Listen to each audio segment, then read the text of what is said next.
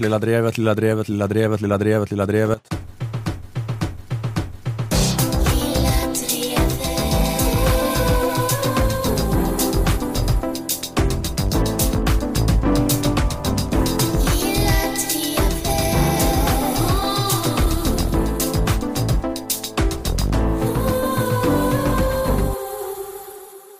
Vi säger välkomna till det 164 Lilla Drevet, en samtidskommenterande podcast för Aftonbladet Kultur som görs i samarbete med våra sponsorer Akademikernas A-kassa och Akademikerförbundet SSR. På plats i Malmö musikstudio den här veckan är jag, Ola Söderholm samt Moa Lundqvist och Liv Strömqvist. Hej på er! Hej, hallå! Eh, Den här veckan ska vi tala om, vad är det ni ska prata om?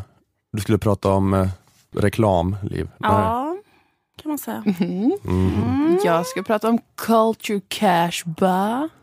Okej, Tänker inte förtydliga mer än så. Man får hänga kvar om man vill veta mer. reklam, det är väldigt vagt, culture caspa, det var obegripligt. Jag ska prata lite sen tror jag om SDs Kalla fakta-granskning. Kalla faktas granskning av SD menar du? Ja, just det. Jag ska prata sen om Kalla, kalla fakta. Det är det inte. Nej, men jag, jag ska ju prata om den här motgranskningen som, som alternativ media har gjort. Avpixlas motgranskning. Om Av journalisterna på Kalla fakta? den verkliga sanningen ska jag ta upp. Mm. Om eh, eh, de ljugande kulturmarxisterna på TV4. Mm. Nej, men jag, eller först tänkte jag lite grann på det här, eh, det här tjafsandet i Spanien. Japp. Ni kanske har hört talas om det? Jo, jo. Det har varit eh, hemska bilder från den spanska regionen Katalonien. Att Ja. eh, katalanerna försökte genomföra en folkomröstning om självstyre i söndags. Många i Katalonien vill att det ska separeras från Spanien och bli ett eh, eget land, självständigt land. Men folkomröstningen var olaglig och spansk polis försökte stoppa den och många har blivit skadade och det har fastnat på film när polisen vevar med batonger på människor som står och eh, begår passivt motstånd vid valurnor. I alla fall Margot Wallström, vår utrikesminister, eh, gjorde det här uttalandet på sitt officiella Twitterkonto eh, i samband med det här. Eh, våldsamma sammandrabbningar och många skadade i Katalonien. Parterna måste hitta en väg tillbaka till dialog, slutcitat. Eh, och många blev vansinniga över det här uttalandet av Wallström. Att hon pratade om sammandrabbningar mellan parter Jaha. och inte att, om att det var snuten som gick till ensidig attack mot valdeltagare. Dels var det en del vänstermänniskor som då blev arga över det här att ja, men det är snuten. Man kanske till och med säger åh det är Franco, lever än. Ja. Spanska Ja, fascistsnutar. del. Jo, men det stämmer också faktiskt lite grann att Guardia Civil har ju haft en kultur som liksom ändå har pågått som inte är helt, liksom, alltså det var ju 75 som han, men alltså, det, alltså jag tycker inte det känns helt alltså, ryckt ur att de har en väldigt, en polisiär kultur som inte är helt eh, ofascistisk om man säger så. Du menar, menar att Guard, Guardia Civil är inte sådana dialogpoliser som går runt och gör fistbumps i förorten? Nej. Kanske inte. Men nästan ännu mer eh, var det högermänniskor som var jättearga över Okej. det här uttalandet. Alla högeråsiktspersoner i mitt flöde hade sosse raget uppskruvat till 11 på förstärkaren över den här Wallström-tweeten. SvD-ledarskribenten Ivar Arpi till exempel var jättearg och då var det ändå ett reportage i söndags i Gomorron Världen som handlade om att folk ledsnar på och lämnar Twitter. Ivar Arpi, ledarskribent på Svenska Dagbladet, har slutat att tycka på Twitter. Ja, Ivar Arpi medverkade med anledning av att han deklarerat att han slutar twittra. Det här var på söndag morgon. Ja. Sen på söndag kväll bestämde han sig för att come out of retirement.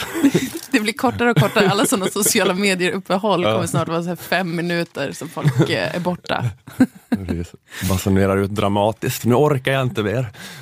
Twitter är inget för mig. Tio minuter senare. Vad i helvete har Margot twittrat? Han avslutade sin pensionering för att göra en serie hetska tweets om Wallströms vidriga tweet.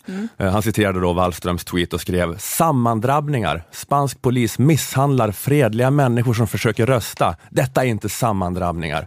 Och så vidare och så vidare. Och, ehm, jag vet inte, men det känns som att Margot Wallström är det värsta lockbetet om man är en borgare som försöker komma till rätta med sitt Twittermissbruk. Att det går inte att inte få ett återfall av den där för, förnumstiga, självgoda jävla sossen. Så här, nu ska jag aldrig ge mig in i Twitterdebatt igen. Då dyker upp en bild på Margot i flödet, hon så här, får en medalj av någon palestinsk farbror och man bara Åh! Men i alla fall, det som återkom hela tiden eh, från högerpersonerna eh, var det här eh, då som man skrev med, med fredliga människor som försöker rösta. Eh, pensionärer och kvinnor som bara vill använda sin rösträtt. Eh, och jag menar att det, det är självklart så att alla oavsett vad kan vara emot det övervåldet från polisen. Men jag tyckte att det var lite konstigt att så många från höger tryckte på deras rätt att i en vallokal uttrycka sin åsikt. För de har ju inte rätt till den här folkomröstningen. Nej. Just det. De bröt mot konstitutionen och Mm. grundlagen som 90 procent av katalanerna röstade ja till 1978 när de hade omröstning om konstitutionen. Tydligen är det så att för en sån här folkomröstning så kräver den katalanska självstyrestadgan en kvalificerad majoritet i det katalanska parlamentet. Att två tredjedelar vill ha en omröstning. Så är det väl i Sverige också med grundlagar, Mm. eller hur? Att det är kvalificerad majoritet och de ska vara så svåra att ändra på och så vidare. Men separatisterna hade bara en knapp majoritet i parlamentet, men drev igenom det här ändå. Och den här omröstningen är ju bara ett jävla skämt. En provokation för att med någon slags chocktaktik föra separatistsaken framåt. Det har inte funnits någon nej-sida i kampanjen inför den här omröstningen. De som har röstat är bara de som är för självständighet. Ja, det var ett väldigt lågt valdeltagande ja, överhuvudtaget, eller? Ja, men det är typ så att 90 procent av de som har röstat minst röstade för självständighet, men det var 30-40 procent som röstade eller någonting. Men det är inte alls säkert att Katalonien skulle rösta för självständighet om det var en ordentlig folkomröstning. Jag läste att opinionsundersökningar tidigare har visat att ungefär eh, 40 procent säger ja till Katalonien som eget land. Trots allt det här så kan man såklart ta avstånd mot att poliser vevar med batonger på kvinnor och gamlingar. Det var ju det sämsta de kunde göra rent strategiskt, att de bara gick in dit och började typ slakta. Eller liksom, eh, det var ju bara väldigt konstigt gjort, för nu är ju alla för. Alltså, liksom, de kanske, det kanske bara var 40% innan det här hände, men nu är vi 100 för att Jo, men vara visst. en enskild. Eh, Men det, men det är bara lite svårt för mig att förstå, eh, jag fattar att alla kan ta avstånd från det, men det är bara lite svårt för mig att förstå varför så många högermänniskor framar den här då totalt olagliga, ohederliga omröstningen som deras självklara rättighet. Alltså SVDs ledare brukar väl inte älska civil olydnad och sånt. Nej. Man är ju van vid att det kanske är ett vänsterargument, att rådande grundlag och konstitution inte ska stå i vägen för en frihetskamp. Men varför är det en så stark högeråsikt i fallet Katalonien? Vad beror det här på? Vardan denna revolutionsromantik? Men då läste jag att ett av de viktigaste skälen till självständighet är skatteutjämningssystemet. Katalonien är ett av de rikaste områdena i Spanien och katalanska skattebetalare anser att de får betala oproportionerligt mycket för att ekonomiskt stödja resterande regioner i Spanien. Att aha, där har vi det. De är skattekverulanter, katalonerna, Spaniens vällingebor, Spaniens djursholmare. Så det är därför då SVDs ledarredaktion goes utom parlamentarisk aktion. Ja, ja. Arpi och Gudmundsson sätter på sig svart huvudtröja, solglasögon, knyter snusnäsduk runt munnen, går ut på gatan med molotov cocktails. Fy fan för det här med att fattiga andalusier har flyttat till Katalonien för att jobba och bygga upp deras ekonomi och att det därför ska transfereras tillbaka lite resurser till Andalusien med skatteutjämningssystemet. Det här måste stoppas! Grundlag, smundlag. Nu kör vi! Upp till kamp mot världssosseriet. Ut och kasta sten. Så är det tydligen, som jag har förstått det. Jag tror det här är en ganska nyanserad analy- analys. ja. I, I en ledartext i DN så står det visserligen att det inte bara, att det inte bara är skatt, skattekverulanter som driver självständighetskampen. Eh, Det står citat, separatistblocket inkluderar dessutom vänsterextremister som vill störta inte bara Spanien utan allting. Oj. Och det är jag i och för sig för, Ja. att störta allting. det är ju nödvändigt att störta världsimperiet som förentar livsbetingelserna på planeten. Men på den här mer mikronivån är jag för spansk enhet. Okej. Principiellt är jag för spansk enhet. Och ska Spanien splittras så ska det inte vara på det här jävla ligistsättet i alla fall. Ja, okej. De här jävla katalanerna, de tror de är bättre än oss vanliga spanjorer. Jag är, inte, jag är inte spanjor, men jag fattar känslan. Ja, lever Som, in. som svensk är jag så bra på att leva mig in i, jantekänslan, så jag känner att jag bara kokar av ilska. De här näsan i vädret, katalanerna. Fy fan. Nej, men jag menar bara, vad är det här för jävla trams? De håller på med i Katalonien. Jaha. Det är inte som på Franco-tiden. Det är inte det. De får hålla på med sitt språk, de får ha sitt lokala självstyre och allting. Det är liksom inget kolonialt förtryck som pågår. De är lika förtryckta som ålänningarna är av Finland. Men du måste också förstå hur osoft Madrid är. Alltså jämfört med hur soft Barcelona är. Alltså jag kan verkligen förstå att man inte vill tillhöra Madrid. Det, jag tror det är den grejen. Det är skattekverulantupproret. Man bara, vi går på knäna. Jag kanske till och med kommer vara tvungen att avskeda en av mina andalusiska poolskötare. Fy fan. Det är de drakoniska skatterna från fascistjävlarna i Madrid. Nej, men jag säger bara att eh, den 23 december så är säsongens första El Clasico och här är i alla fall en, jag pekar på mig själv nu, här är i alla fall en som kommer klä sig i vitt. Halla Madrid. Men jag försvarar såklart inte polisens övervåld.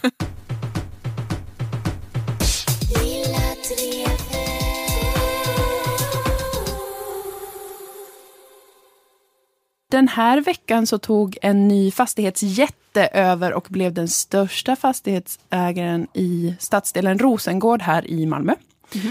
Rosengårds Fastighet AB heter företaget och det består av MKB som är Malmös kommunala fastighetsbolag samt tre privata bolag. Heimstaden AB, AB Balder och Victoria Park AB.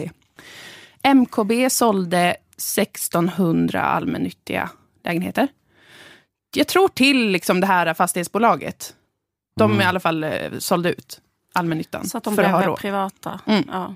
för att de eh, ska kunna sprida riskerna för det de nu ska göra med det här stora fastighetsbolaget. Var det kommunala hyresrätter som såldes? Eller? Ja, precis. MKB, Mm. MKB sålde 1600 tror jag att det var. Det var det. Blir det bostadsrätter då? Eller nej, det är Nej, mer bara att det är det är privata privata företag, för, ja, de äger hyresrätterna då? Okej. Mm. Eh, Och Rosengård är ju en stadsdel eh, där majoriteten av eh, fastigheterna byggdes under eh, 1960-talet. Då, som en del av miljonprojekten. När man fixade 1,4 miljoner nya bostäder. För att man tyckte att alla har rätt att ha någonstans att bo, även om det är skitfult. Var paragrafen. Det var det Eh. Tage Erlander sa i sitt linjetal 1962. Eh, Många av de här fastigheterna är, är liksom, ganska billiga hyresrätter, men de börjar vara väldigt slitna. Stora delar av det beståndet. Då. Och stämningen i just Rosengård är lite halvers, som den brukar vara. Där det är mest låginkomsttagare. Och som dessutom lever med en ofixad vattenläcka då, sedan 1971. Att det är tråkig stil och stämning. Men den här deppigheten ska Malmö kommun, då, MKB, eh, och tre privata aktörer fixa genom stadsomvandlingsprojektet som heter Culture Cash Bar. Mhm. Jag hade förväntat mig mer glada reaktioner från er två. Culture Cash. Coolt namn Culture kan jag Cash säga. Vad är en cash spa Jag egentligen? tycker det låter som, Ja, det låter det slags- som en klubb. Eller det en, är eh, någon slags eh, citadell, tror jag var en av översättningarna som jag hittade. Men det var så svårt att beskriva, det fanns olika beskrivningar. Just också. Men det, det är sån här- Rock the Casbah, The Ja, Clash-låten eh, handlar något. väl om att, att man rockar med en shake i den musikvideon eller någonting. Att Ja, de är i, sånt, i sån shakes eh, Det är något med Mellanöstern. Det var något med, att, Mellanöstern, eh, ja. ja, att man hade förbjudit rockmusik i Iran. Då skrev The Clash den Ja, låten. okej. Ja, det är något med det, men vem vet? Culture Cash Bar heter det i alla fall. Man behöver inte veta exakt vad det betyder. Vilka var som har dragit igång det här? Malmö kommun? Eller? Ja, så det är ju MKB via, det är ju kommunalt då, tillsammans med de privata fastighetsägarna. Eh, Visionen bakom den här eh, Culture Cash Bar är detta. Kan förut bli stad? Kan det problemstämplade Rosengård göras om till en attraktiv stadskärna i Malmö? Ja, vi på MKB tror det. Hallå bara! Hej vad det går. Skånska. De borde verkligen eh, förbjuda ordet attraktiv i sådana här kommunslogan, kommun-copy-sammanhang. Att det är, så, det, det är så nött så att det liksom är helt, det är så jävla Ja, tomt. ingenting längre. Attraktiva, offensiva Malmö. Ni, kan, ni får aldrig säga det igen. Förbjud. Man ska göra om Rosengård till en del av staden. Och vad är det som behöver göras? Investera eh, i folket som bor där och fråga vad de vill ha och se till att ha ett system för att få bort sådana skithyresvärdar som låter allting ruttna sönder som sen också chockhöjer hyrorna när de gör sådana helt standardiserade eh, renoveringar. Så k- kan man tänka sig spontant, men nej, det är inte det. Det man behöver för att få till den här eh, omvandlingen, det är att man behöver få företag att tro på stadsdelen. För man behöver få investeringskapital då till den här delen av stan. Så att det kommer uppstå någon slags känsla av eh, hopp och framtidstro för företagen som ska få vara där. Mhm. Hur skapar man tro och hopp för företag? Genom att säga till dem att det finns en stadsdel som är fattig, men central och alltså har potential att bli en vibrerande del av staden och så vidare. Och så säger man också det att man ska bygga ett jättestort hus av kanske ett nytt material, plexiglas, säger man. Och då ansamlas det företag. Då ansamlas det eh, kapital. Så att när den här newsflashen kom att Rosengård ligger faktiskt ganska centralt så började man liksom fundera, fundera, fundera. Centralt, det låter ju som något vi gillar, eller hur? Älskar centralt. Det betyder ju att det är liv och rörelse, och fest, café, latte, man pratar i telefon när man är ute och går, man har olika höga hus. Det är ju vad centralt betyder. Det älskar ju alla. Och nu har det visat sig att Rosengård är centralt. Vi trodde att det låg i periferin, trodde vi alla. Fastän vi har haft kartor där man har kunnat se, man, kan, man har kunnat gå dit. Men det har ändå varit, man har inte förstått det. Men men för, för jag måste säga att jag blev chockad över att Rosengård låg centralt när jag flyttade till Malmö. För att man tror att det är som, med, ja, men som i Stockholm med Husby eller Rinkeby eller Tensta, något, att det är något så här Mordor långt borta. men så är det, eh, Rosengård är det bara att jag, ifall jag bara gick åt fel håll när jag gick ut genom dörren i fem minuter så kom jag till den där Ja. Till den där tunneln där det var liksom Zlatans mun klottrad Det är ovanpå. då man vet att man ska vända. Skojar bara. Ja, men det var- ja, men Eh, att det- ja, det- jag var i. Rosengård i helgen på i Rosengårds ishall. Nog om mig. Men jag bara menar att det tar tio, tar tio minuter att cykla dit kanske. Ja. Och så har det ju varit. Men nu så har insikten landat hos kommunen också. Att det är en del av, det kan ju vara helt centralt. Rosengård kan vara en del av centrum. Ja. What? Eh, Rosengårds Fastighet AB ska nu under kommande år bygga ungefär 200 nya lägenheter och ett 22 våningar högt torn med kontorslokaler och allt möjligt nice, gött för att omvandla Rosengård. Det är något av ett riskprojekt, för det måste det ju vara. Det är ett stort projekt, det kommer kosta, man vet inte exakt vad, eller de säger inte exakt vad det kommer kosta. Och det här är ju, skapar ju direkt nervositet i Malmö, eftersom att vi alla har i åtanke Malmö Live, som kostade var, eh, 1,3 miljarder eller vad det var. som vi inte heller fick veta exakt vad det kostade. Så här. så att det är lite så, åh, vad ska det kosta? Ni säkra? Men de har ju spridit ut riskerna, så det borde ju inte vara någon fara. Och, eh, Terje Johansson, som är vd för MKB, han sa så här om kostnaden för det här. Det är då ett jättehögt torn eh, som ska vara mitt där i centrum. Är det det som ska heta Culture Casbah? Förlåt att jag inte Ja. följer med. Alltså, Okej. Jag tror att de kallar hela omvandlingsprojektet för Culture Cash. Men det är liksom kärnan i det, det här gigantiska tornet. Men som är inte- ett asymmetriskt glänsande torn. Wow. Eh, men eh, man ska inte liksom laga och renovera lägenheterna, eller? Eh, det, kanske de ska, Mm. men det, är nej, det, står inte, det ingår inte i detta. Utan de ska bygga nytt och bygga torn och ha sålt ut eh, allmännyttan. Mm. Delar av den då. Men det glänsande tornet kommer göra att eh, privata investerare rör sig ditåt Ja, och de då kommer det. de kanske renovera upp allting Ja. i hela Rosengård. Varför skulle de göra det? Ja. Men ja, jag har min affärer och ska renovera någons bostad. Så här säger i alla fall eh, Terje Johansson då om det här tornet eller höghuset. Detta sa han i P1 Kultur i våras om kostnaderna och riskerna. Och hur, hur stor del liksom av ekonomin och risktagandet är själva det här höghuset? För sådana här byggnader brukar ju ofta springa iväg när det gäller kostnader. och Så. Och vi har naturligtvis en bild av vad det ska kosta, men om jag berättar den så tenderar det ofta att bli dyrt. Dyrare. Jag klippte lite för tidigt. Mhm. Eh, det är inte jätteförtroendeingivande att budgeten så, ser ut som så att om Terje säger något om kostnaden så tenderar det att bli dyrare. Alltså han vill inte ens säga en siffra för att då kommer någon säga du sa det kostade mer än vad du sa att det skulle kosta. det. Jag ser framför mig hur han bara säger så. Det kommer kosta 3 miljoner, smack, upp i 30 miljoner direkt i budgeten. Han bara försöker viska, han bara, det kommer kosta 5 miljoner, spang. 500 miljoner kostar det. Fruktansvärd situation för Terje. Men det han säger är liksom att eh, det är bäst att jag inte säger någon siffra. Ja, jag, för det kommer bli så jävla dyrt. Ja, men Ja, för, men nej, men för, för jag tenderar att ljuga om det.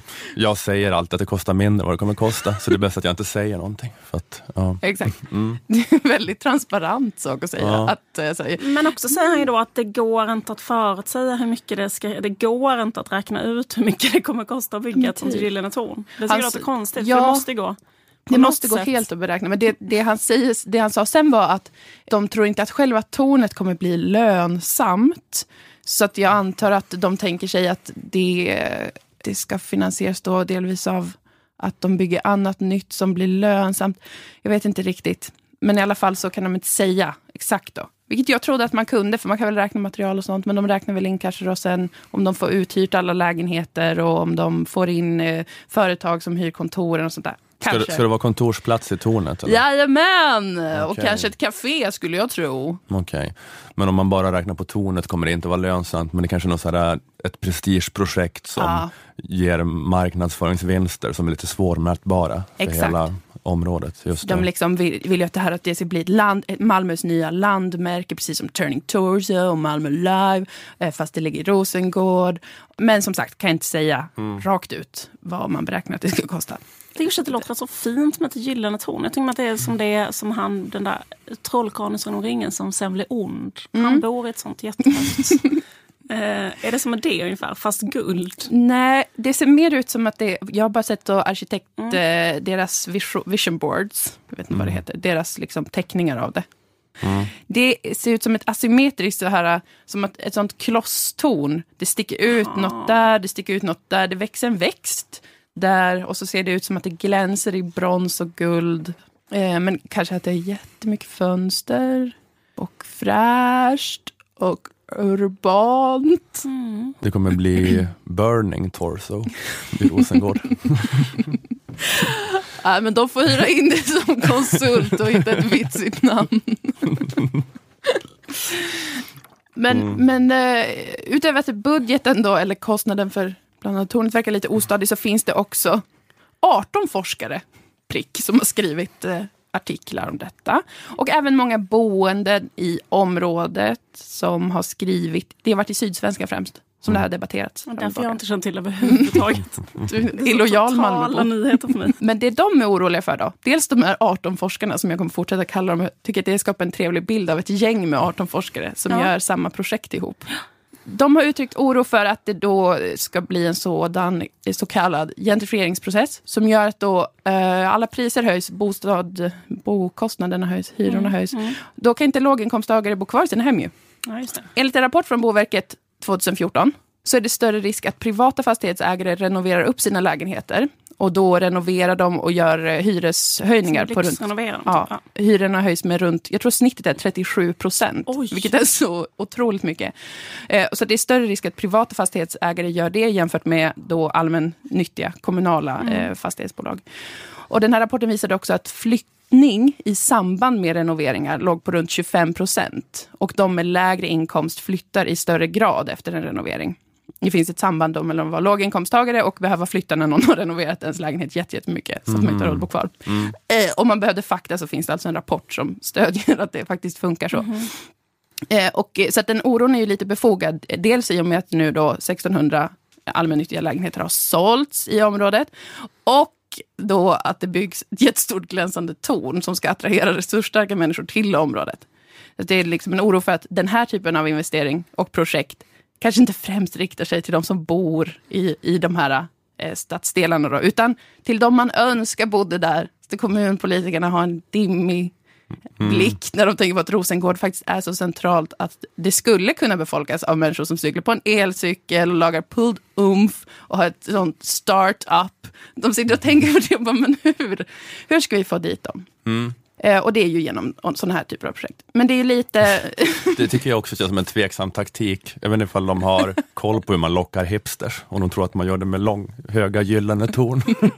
de vill ha såna, mera, de vill ha såna media-hipsters, ja, men vill inte en hipster att det ska vara någon cool rivningskåk som i Berlin eller någon sån här loftvåning eller någonting. Det tänker jag också. Stenhus, vackra stenhus. Eller Ja. någon som har målat ett hus själv. Det blir fint och coolt. Men det, är- det är en Det- särskild estetik som är, alltså, även i hela Västra hamnen i Malmö är ju den här typen av Nej, ja. såna här stora eh, glansiga hus. Där de, som man vet att en kommunpolitiker har suttit och verkligen tänkt jättenoggrant på hur ska vi göra det här attraktivt.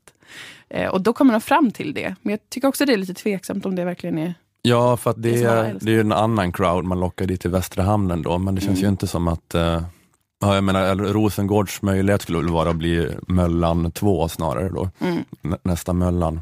Men eh, man får nog inte dit tygkassemänniskorna med att göra en lite mindre kopia av Turning Torso. Om De man tycker vill det är det coolaste som finns. de människorna så skulle väl ändå vara ganska bra idé att bygga en exakt kopia av det där tornet i Sagan om ringen. Det skulle inte finnas hipsters som ville bo i ett sånt hus. Jo, det kan jag tänka mig Kanske. att det skulle kunna finnas. I alla fall sådana som håller på att försöka uppvärdera nördskapet. Ja. Finns inte sådana människor? Ja. Jag är Sagan om ringen-nörd, så what? Om man vill Såna ha människor. Bygger man Saurons torn. Men det, så detta pågår i Namn och Passa Mona. också med din bild av Rosengård som mordor. Så, så ska man bo i det Att man tornet. leker med den Ja, bilden man leker med den bilden Rosengård helt och hållet och försöker få in såna människor, Johanna Koljonen, människor som försöker säga att nörd är coolt. Ja, den gruppen. Nanna och Jonathan och deras spelgäng kan flytta in Ja. i det där tornet kanske. Alltså Malmö kommun får så många råd i just nu de kommer inte veta vad de ska göra med allting. Um, nej men så detta, detta pågår uh, då, såklart, i Malmö.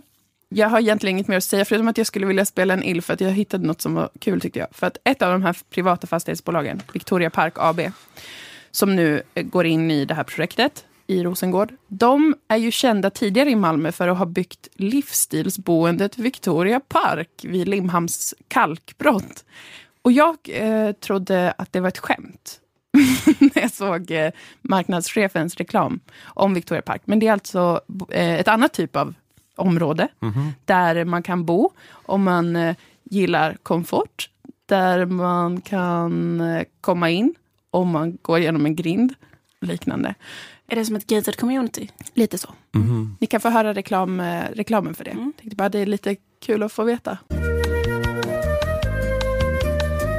Välkommen till Victoria Park, Sveriges nya livsstilsboende med mindre att sköta om och mer tid att njuta av livets goda. Det är som att bo på hotell, fast hemma.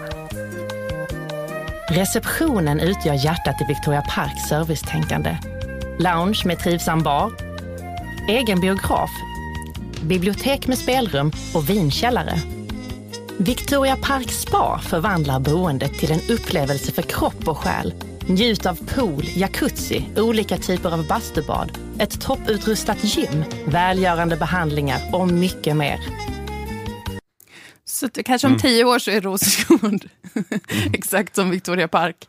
Och det blir väl jättebra. Bara ett jättestort spa. Jättestort spa. Men det är människor som bor så alltså? Ja, visst, det är ju bostadsrätter och där köper man lägenhet. Eh, och får tillgång till vinkällare, 1700 hektar mark, park eller något sånt här. Ja, och egen biograf och restaurang och liknande. Så där finns eh, också i Malmö, det är möjligheternas stad. Så är man bara helt, alltid helt skrynklig som en sån blötlagd torkad frukt för att man är så mycket sån ångbastuar hela tiden och, och är otroligt uppmjukad i huden. Men det är som att hela ens liv är då som att bo, vara på sån all inclusive semester eller Ja. på en sån semesteranläggning. Ja. Att man bara bor så. Och tänk när Intressant. hela Rosengård också är så. Mm. Gud vad bra. Botox Cosmetic, botulinum toxin A, FDA approved for over 20 years. So, talk to your specialist to see if Botox Cosmetic is right for you. For full prescribing information, including boxed warning, visit BotoxCosmetic.com or call 877-351-0300. Remember to ask for Botox Cosmetic by name. To see for yourself and learn more, visit BotoxCosmetic.com. That's BotoxCosmetic.com. bra projekt. Det kommer inte komma några bra fotbollsspelare ur det tror jag. Nej, bara spa-terapeuter.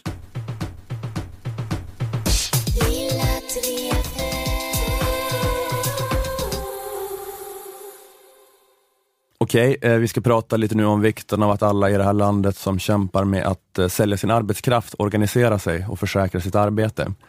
Det är något som möjliggörs av våra sponsorer Akademikerförbundet SSR och Akademikernas a-kassa. Akademikernas a-kassa kostar endast 100 kronor i månaden och ger dig a-kassa, alltså upp till 20 000 i månaden när du är mellan jobb.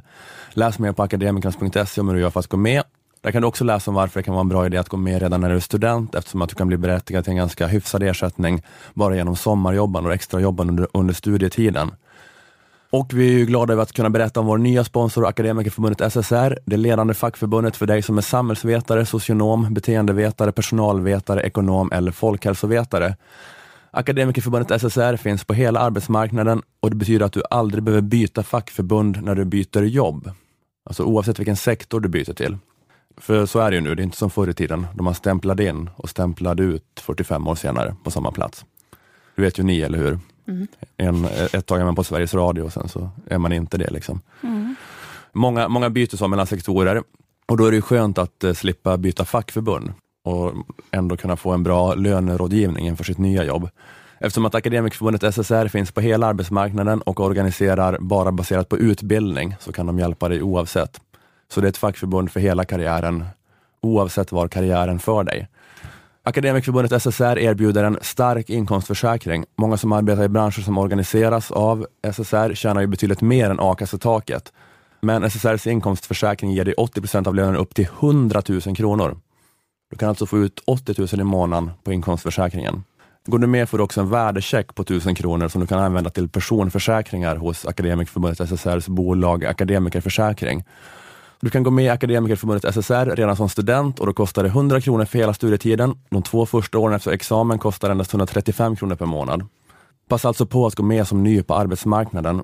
Den ordinarie medlemsavgiften för er andra är 260 kronor i månaden, eh, så det är inte så himla mycket det heller. Läs mer och bli medlem på akademikerssr.se. Så det är bara en bokstav från SSRI. Mm. SSR. kan man komma ihåg. Samma antidepressiva effekt. Nej, jag ska inte förringa depression Nej. Faktiskt. Tar du SSRI och har hjälp av det, så uppmanar inte Lilla Drevet att ni ska sluta med det och gå med i facket istället. gå med i facket också, eller hur? Det är ett komplement. Ja. Det är ett komplement. Det är som eh, motion och mat på vissa tider och som kan vara ett komplement till SSRI. Tar du steget att gå med i Akademikernas a-kassa eller Akademikerförbundet SSR tack vare den här podden kan du gärna meddela eh, a-kassan och snedstreck LF-facket det. Du kan också skriva om det i sociala medier under hashtag Lilla Drevet. Tack Akademikernas a-kassa och Akademikerförbundet SSR.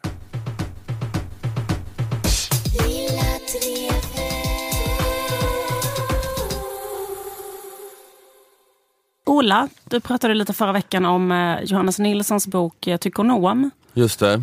Där han beskriver hur samhällsdebatten har förändrats i och med att folk liksom främst tar del av nyheter via sociala medier. Eh, och inte via papperstidningar, så som det kanske var innan. Jag kan berätta för dig Moa, mm. så du inte var med. Nej. Johannes Nilsson menar i sin bok att eh, den här liksom rent typ tekniska förändringen egentligen eh, i bara hur vi tillgodo ser oss, tillgodo Gör. gör oss eh, nyheter eller information, samhällsinformation, eh, har lett till att eh, nyheter som väcker känslor och framförallt nyheter som folk vill diskutera eh, gynnas eh, framför andra nyheter.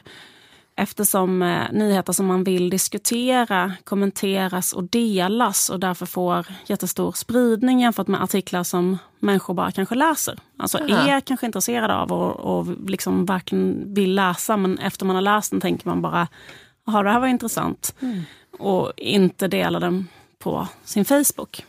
Därför ingen diskuterar culture cash bara. Eh, Nilsson skriver så här. Det bästa sättet att skapa uppmärksamhet i de sociala mediernas kultur är att få människor att diskutera verket så att det lyfts i flödet. Alltså bör man behandla ett aktuellt och diskutabelt ämne gärna ur en upprörande vinkel. Mm. Det var det här du pratade om förra veckan, Ola. Just det. Eh, Och eh, som exempel tar eh, Nilsson upp ämnena feminism och rasism. Eftersom det här är ämnen som liksom väcker starka känslor och har en ganska låg ingångströskel till att börja diskutera. Och med det menar inte jag att det finns liksom människor som kan jätte, jättemycket om feminism till exempel. Men nästan vilken idiot som helst kan liksom ha en kvinna i sin närhet och göra en spaning om hur kvinnor är. Alltså, eller förstår du vad jag menar? Det, det, känns inte, det känns lätt att känna att man har, eh, här har jag något att säga. Det är få som närmar sig den debatten med ödmjukheten man kanske närmar sig debatten om culture caspa med.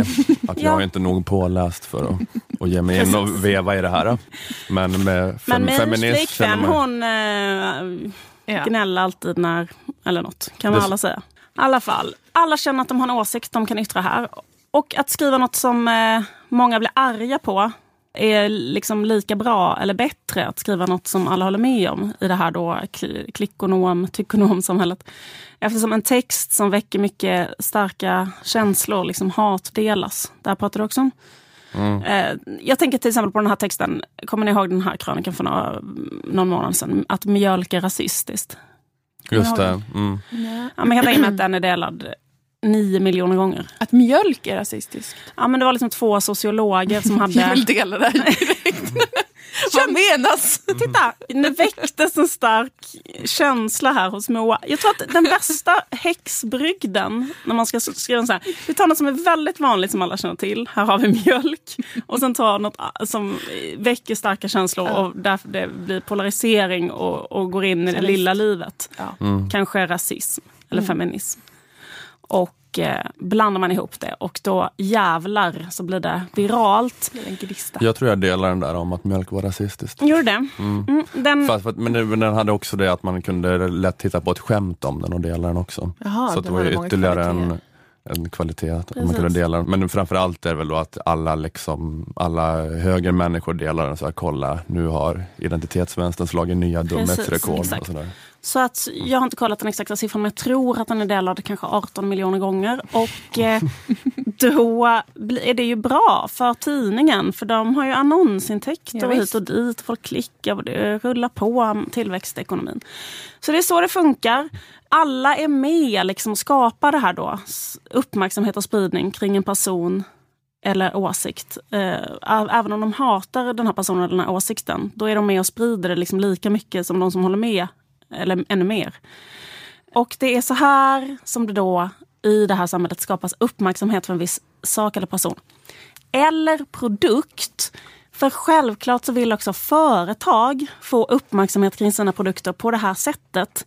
Genom den här liksom känslogenererande dynamiken som uppstår till exempel mellan eh, feminister och människor som hatar feminister på nätet. Mm så därför så skapas liksom mer och mer reklam som försöker då marknadsföra sina produkter via diskussion. Eftersom diskussion har blivit det främsta medlet för spridning av liksom produkter och idéer i de sociala mediernas klickonomi-grej. Mm. Eh, så förut så var Adidas reklam en jätte, jättesmal tjej som hoppade jätte, jättehögt. Kanske ni kommer ihåg? Så brukar det alltid vara.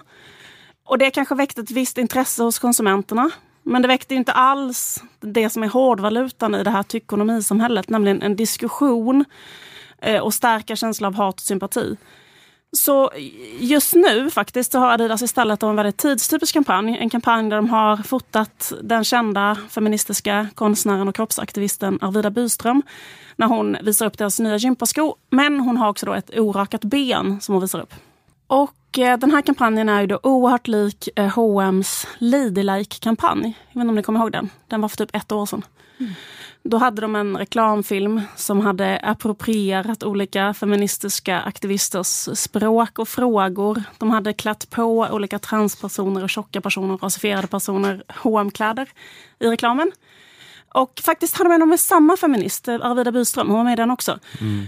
Fast då hade hon en hårig armhåla som visade upp i den reklamen. Alltså en av förebilderna till den här typen av reklam kanske är en händelse som jag vet inte om ni kommer ihåg, för några år sedan i Melodifestivalen så var det en kvinna i publiken som blev fångad på bild när hon sträckte upp armen. Och då hade hon hår under, eh, i sin armhåla. Och då blev den här kvinnan utsatt för näthat på grund av det. Så blev liksom, människor började liksom skriva så här på hashtag Mellfest vilken äcklig armhåla den här kvinnan hade. Mm. Och då blev det en motreaktion där många feminister gjorde liksom typ en hashtag för att stödja henne och, och, och det liksom blev manifestationer för att stödja henne. Och så. Mm. så det blev en, en stor uppmärksamhet kring det här. Och det är liksom hela den här typen av diskussionskedja av känslor, engagemang, delningar som då Adidas vill återskapa. Mm. Eller de vill köpa.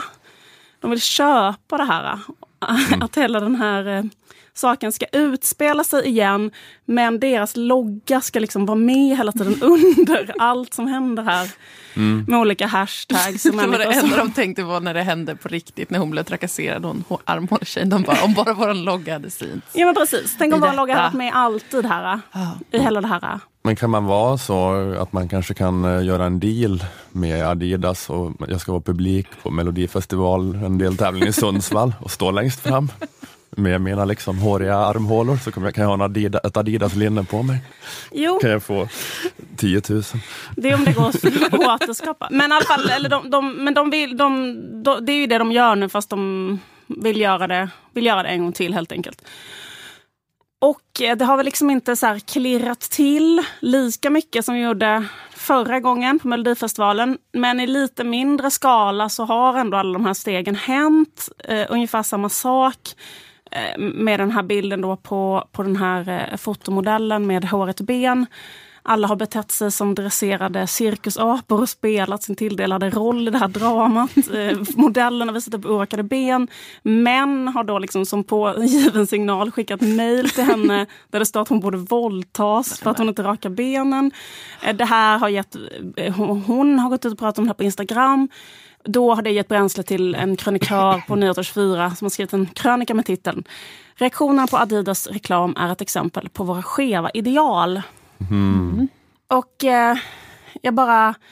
Alla kanske fattar det här redan, kanske inte så intressant. Men det är i alla fall liksom någonting som man kan fundera på. Liksom, vad händer när man har reklam som är gjord på det här sättet versus man har reklam som bara är en eh, jättesmal tjej som hoppar jättehögt. Som har brukat vara innan. Och det, finns inte bara, det är inte bara faktiskt Adidas utan även Stadium har ju en reklam nu där de använder den här uh, feministen Linnea Claesson eh, som gör reklam för deras um, sportswear. Och samtidigt uh, försöker de lyfta frågor som handlar om löner för kvinnliga idrottare. Så det finns också en, feminist, eh, en feministisk eh, Mm. ehm, grej där. eh, Som de försöker sälja såna här tights med. Eh, tights som då är vad heter det, tillverkade i eh, Asien, i syd, södra Asien. är ju alla de här människornas, alla de här eh, företagen är ju där de tillverkar sina kläder. H&M, Adidas, Stadium gör också det. Jag läste faktiskt precis den här boken Modeslavar. Den har kommit ut nu i pocket. Den kom typ förra året egentligen. Men det är Moa Tjärnstrand och Tobias Andersson Åkerblom som skriver om eh, villkoren i sådana här fabriker. Eh, Adidas just har sin sko, mycket av sin skotillverkning i Kambodja. Och just i skofabriker i Kambodja så har de väldigt mycket, det jobbar också nästan bara kvinnor i sådana här fabriker då. Apropå feminismen. Eh, så har de haft väldigt mycket problem med massvimningar. Har ni hört talas om det här? Nej. kvinnor liksom i flera år, det började 2011, eller då började det liksom rapporteras om det här i alla fall. Att det är så här, massa arbetare svimmar typ samtidigt, typ 50 pers. Svimmar av inne på fabrikerna. 2014 till exempel så svimmade 1800 arbetare bara svimmade i olika fabriker i Kambodja. Arbetsgivarna har sagt att det här är så här en självsuggererad masshysteri. Som de här... eh, Att kvinnorna är hysteriska. Exakt. De får sig själva att balla ur. För Ja. ni vet hur tjejer är. Spinner igång på något. Andra exempel på orsaker kan vara då att de är undernärda och uttorkade. Och det är otroligt varmt i fabriken och det är jättedålig ventilation. Och när man har undersökt hur mycket de har jobbat så har de jobbat så här 12 timmars pass Ugh. och så jobbar de 14 dagar i rad utan att ha helg liksom, eller paus. Då. Men sen finns det andra, till exempel Fair Labour Association, som menar att det kan ha att göra med kemikalier som kommer just från skotillverkning. Alltså Adidas, och Puma, och Asics, alla de tillverkar sina där. Och då finns det liksom lim, lösningsmedel, också så i lädret.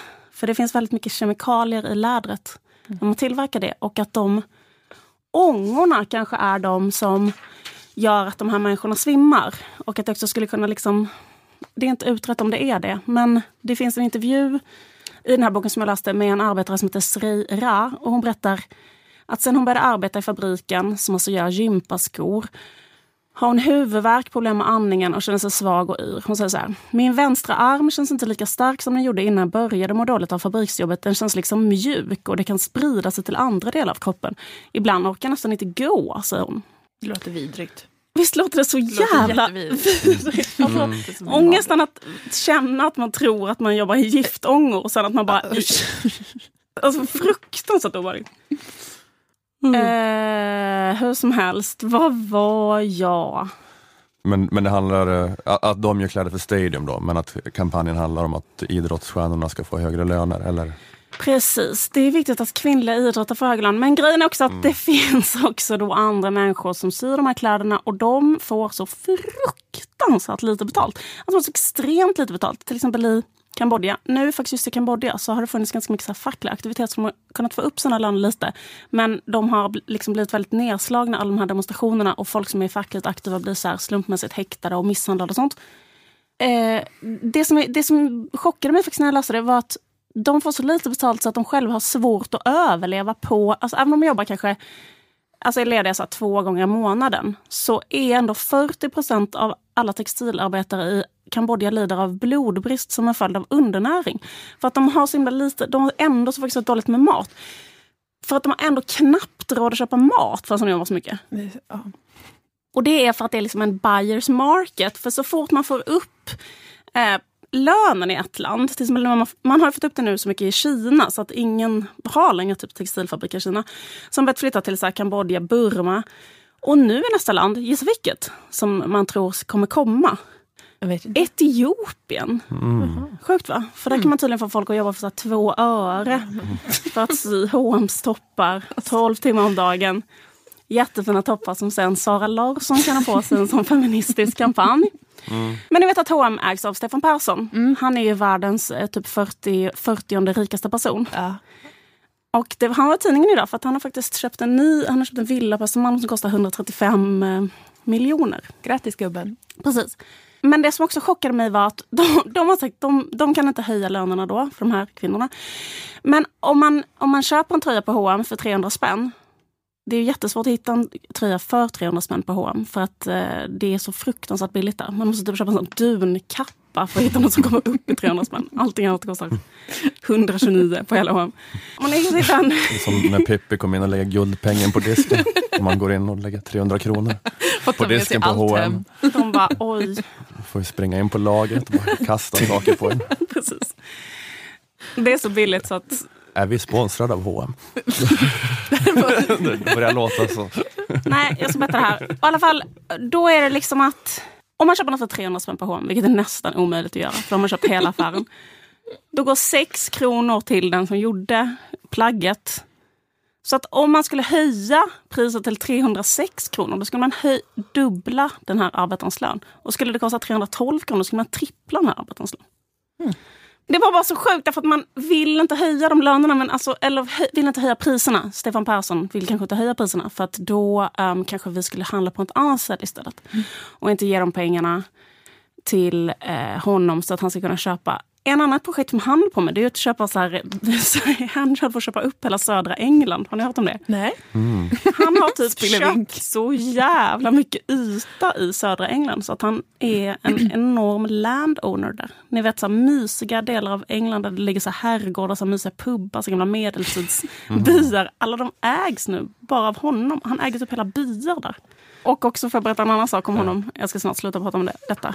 Jag lovar. Men grejen är att han är typ hatad också av vissa bybor då i en sån här by där han bor i södra England. Därför att han vill bygga en ny så här, ful och vräkig herrgård. Han har ingen känsla för liksom, det ligger ju massa jättefina gamla herrgårdar där. Men då vill han liksom bygga en ny herrgård som är så här, kan, kan du tänka dig H&M, en hm herrgård Som är riktigt så skängig herrgård. Bredvid liksom jättevackra, genuina byggnader och hus. Ska det vara någon sån mm, liksom herrgårdens motsvarighet eller en sån trashig ful topp som går sönder. Han bara, den ska ligga här. Skit i det. Men det som händer, det var bara det enda jag ville säga när Adidas eller H&M gör en reklamfilm. inte med en vanlig supersmal modell utan politisk åsikt utan istället med en, en supersmal jättesnygg modell med en feministisk åsikt som till exempel eh, Sara Larsson. Jo, det första som händer är då att män skriver brev till henne där det står att hon borde våldtas och då sluter feminister upp bakom henne och vill skydda henne och H&M från det som är alla normala människors gemensamma fiende, nämligen troll på internet. Så du och jag, Moa, Ola och Stefan Persson och det här herrgårdsbygget håller på, vi är på samma sida liksom mot trollen. Det blir liksom trollen som är, har liksom blivit problem, alltså man har målat ut internettrollen. De får liksom bära allas hat i den här frågan. Allting blir liksom deras fel. Alltså I, de, I vilken fråga? I frågan om... Uh, I den här liksom reklam, i, den här, mm. i det här sättet att iscensätta konflikten så blir det så här människor som skriver mejl till de här feministerna blir det som blir problemet, samhällsproblemet i frågan.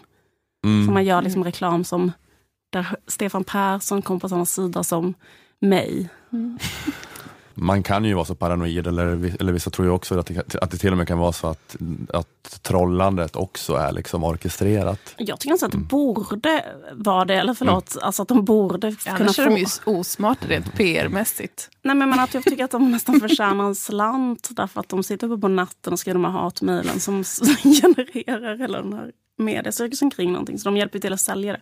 Jag menar att Stefan Persson skulle kunna betala dem lite grann. Ja, för det är ju det man köper när man köper den här, äh, den här uh, handbollskvinnan. Liksom. Ja. Det man köper är ju hennes hatare. Det är det som är, gör att hon är värd, hennes marknadsvärde består ganska mycket i att hon har så mycket hatare. Så mm. att, att ifall du har med henne så blir det ett jävla liv. Liksom. Ja, så att, eh, det är ju ändå, alltså det är ändå hennes kapital, hennes hatare. Jo absolut. Alltså, som Jag de... som reklam, reklampelare. Det kanske är de som borde liksom fundera lite på om de ska jobba gratis. Vi har ju pratat väldigt mycket om de här kvinnorna som jobbar i fabrikerna gratis. Mm. De har ändå fått sin share of attention. De har fått attention och 6 kronor i timmen. Men alla de här liksom, noll kronor. Arg, unga arga liksom männen. Ja, precis. De är verkligen då arbetare på bomullsplantaget i, i den moderna tykonomin. tykonomin. De genererar miljarder och åter miljarder, får inte en spänn. Till eh, det, här, eh, herrgårds, det här riktigt skabbiga herrgårdsbygget. De finansierar den herrgården. Ja, de kommer aldrig få åka dit och hälsa på ens.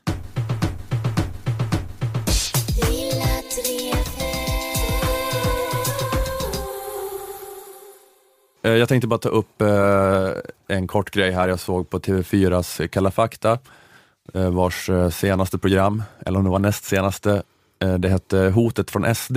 Mm. Och Det handlade om läskig sekterism och skrämseltaktik inom Sverigedemokraterna. Att partimedlemmar som larmar om missförhållanden inom de egna leden utsätts för trakasserier och utfrysning.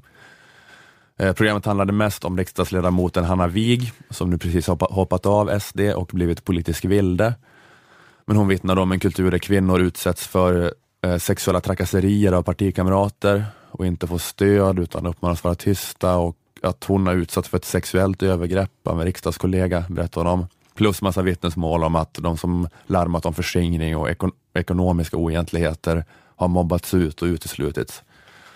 Ja, det, var, det var, det var eh, himla massa grejer. Jag tänkte egentligen bara fokusera på en liten grej i Kalla fakta-programmet. Mm. Vi, vi, fick möta Madeleine Larsson, sverigedemokratisk politiker i Falköping, som blev trakasserad efter att ha golat på en SD-riksdagsledamot som begått ekonomisk brottslighet.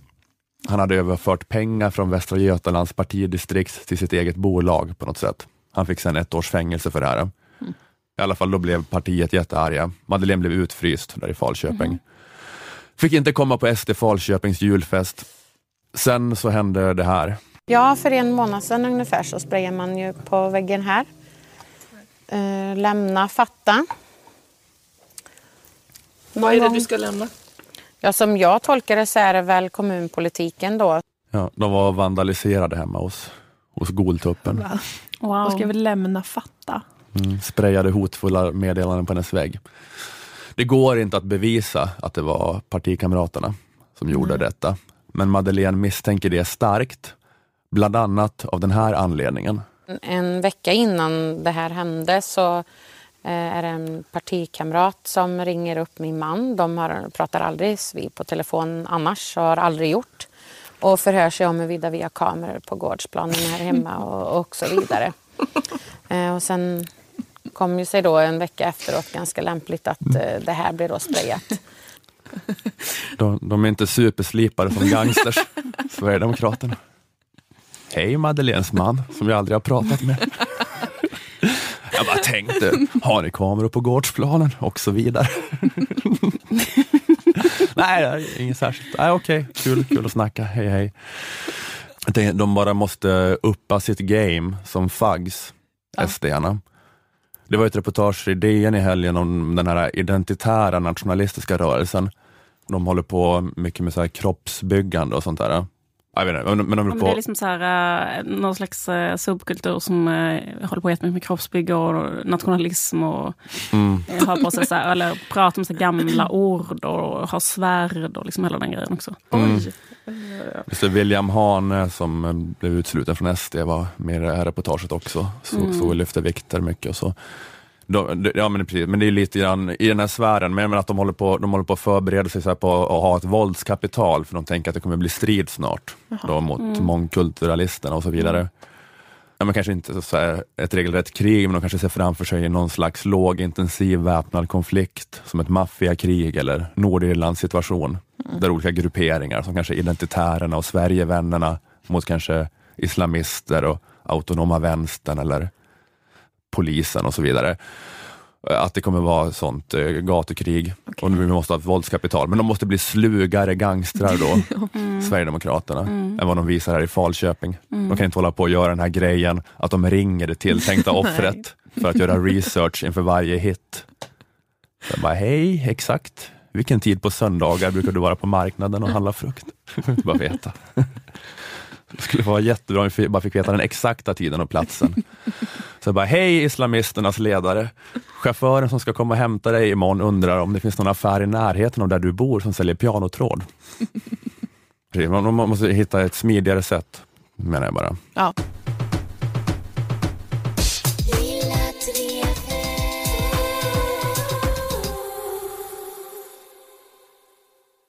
Eh, man kan uh, köpa biljetter till min turné eh, olasöderholm.se. Det har sålt slut i Uppsala nu också, men det har lagts till en extra föreställning där med.